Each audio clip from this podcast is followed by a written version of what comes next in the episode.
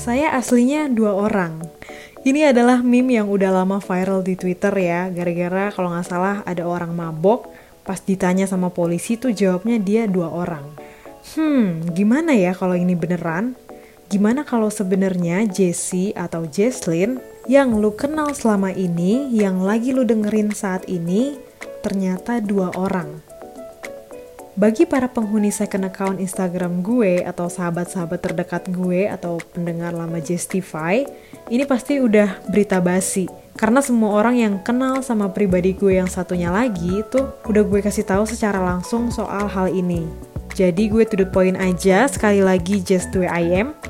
Gue itu punya yang namanya alter ego. Kayak Beyonce ya, Beyonce juga punya. Semua kriteria yang lu temukan di internet itu bener-bener ada di hidup gue dan orang-orang sekitar gue juga udah ngerasain. Bahkan mereka juga udah bisa ngebedain, oh ini gue lagi pribadi gue yang ini nih. Oh ini gue lagi pribadi gue yang satunya lagi nih. Apalagi pas gue minum alkohol ya itu kelihatan banget bedanya, suara gue juga beda. Ini semua sebenarnya bukan hal yang keren, bukan hal yang membanggakan, tapi alter ego gue ini, gak usah gue sebut lah ya namanya. Beberapa dari kalian juga pasti udah pada tahu dia ini sifatnya jauh bertolak belakang dari gue. Gue yang kalian kenal mungkin orangnya ceria, asik gitu kan, kocak, terus frontal, gue suka asal ngomong dan suka bodoh amat sama segala sesuatu. Tapi pribadi gue yang satunya lagi justru dia romantis, dia peduli banget, dia perhatiannya luar biasa dan dia udah ibarat jadi tameng yang selalu menguatkan dan menemani gue di setiap saat. So, seperti yang udah gue ceritain, gue kan e, bisa dibilang gue punya trauma masa kecil yang cukup parah dan itu membuat diri gue menciptakan sebuah karakter baru di tubuh gue sendiri untuk gue bisa bertahan sampai saat ini. Dan mungkin sebagian orang yang melihat ini merasa gue gila. Gue pernah dikatain gila karena ini dan mungkin orang nganggapnya juga gue sakit jiwa. Gue nggak tahu, gue bukan ahlinya dan gue nggak mau menyimpulkan sendiri, tapi satu hal yang gue yakin, keberadaan kepribadian gue yang lain ini sangat amat membantu gue. Sangat amat gue hargai dan dia juga masih ada sampai saat ini. Justru sebagian besar kebahagiaan di hidup gue itu disebabkan oleh dia. Dan percayalah, gue sering nemu kata-kata ini di explore Instagram, di berbagai puisi dan di buku-buku juga ada. Lu berhak bahagia atas sesuatu yang orang lain gak paham semua hal yang membahagiakan lu, lu gak harus explain itu ke orang lain, orang lain juga gak harus dan gak berhak untuk ngerti. Yang terpenting adalah lu bahagia. Lu gak butuh approval dari orang lain, lu gak butuh validation dari orang lain. This is your life. Dan yang paling utama, dari segala yang utama adalah kebahagiaan diri lu sendiri di sini gue bukan ngajak lo buat jadi orang yang egois ya, tapi gue pengen ngajak lo supaya kita mengubah sudut pandang kita.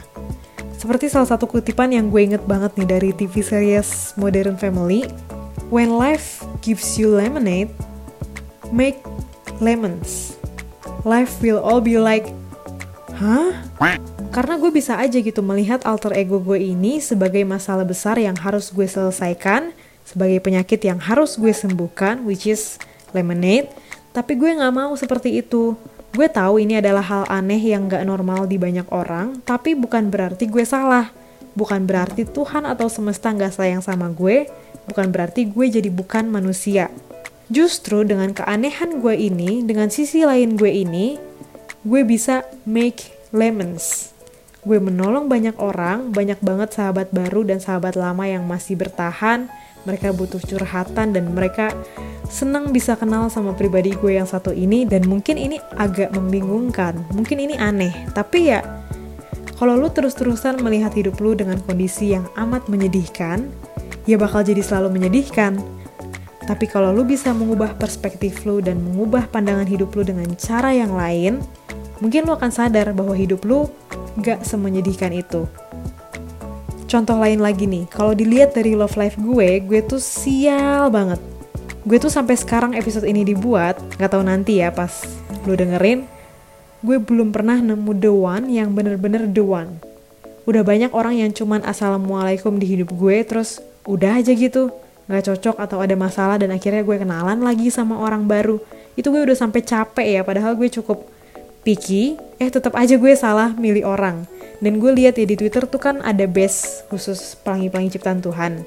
Itu semua teman-teman gue kok udah pada punya pacar, punya gebetan, punya crush.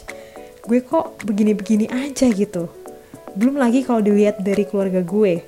Kok gue lahirnya begini, kok orang tua gue gak kayak orang tua lain, kok hidup gue musibah mulu. Mana gue punya alter ego, Nah, itu dia. Sekali lagi, ini terjadi kalau gue melihat hidup gue sebagai situasi yang menyedihkan. Tapi kalau di rolling, kalau diputar sudut pandangnya, gue mungkin gak hoki kalau soal keluarga atau soal percintaan. Tapi kalau soal nyari kosan, wah itu gue beruntung banget cuy, gila. Waktu gue pertama kali pindah ke Alsut, gue tuh kan nyari kosan sendiri. Tanpa bantuan satu orang pun, gue jalan kaki, gue panas-panasan, gue gak punya kendaraan, gue gak bisa nyetir juga dan gak ada yang mau nyetirin juga. Tapi gue berhasil nemu bapak kos yang bahkan kalau boleh jujur, lebih baik dari bapak gue sendiri.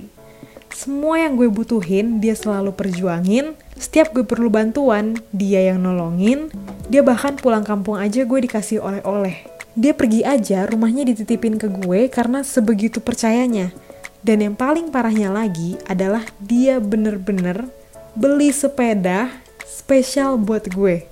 Karena dia kasihan ngeliat gue ke mana-mana jalan kaki, ke kantor jalan kaki, ke minimarket jalan kaki. Akhirnya dia beli sepeda guys, buat gue. Makanya itu salah satu kesedihan terbesar gue pas pindah ke Jakarta karena harus pisah sama bapak kos yang very very bapak able itu. Tapi ternyata gak berhenti sampai di situ guys di Jakarta gue juga sama. Gue cari kosan sendiri, searching sendiri, datengin kosannya sendiri, bahkan sampai detik ini pun orang tua gue nggak tahu kosan gue di mana. Mereka juga nggak pernah nanya dan nggak pernah nganterin gue atau bantuin gue pindah waktu itu. Tapi gue dipertemukan lagi dengan another bapak kosan yang very very bapak able. Tiap gue pergi lama, itu kosan gue dibersihin, jendelanya dibuka, bahkan tiap ada paket aja yang harusnya gue bisa ambil sendiri, dia anterin persis sampai ke depan kamar gue. Itu dia baiknya luar biasa, ramahnya luar biasa, dan kalau dilihat dari sudut pandang ini, hidup gue juga hokinya luar biasa.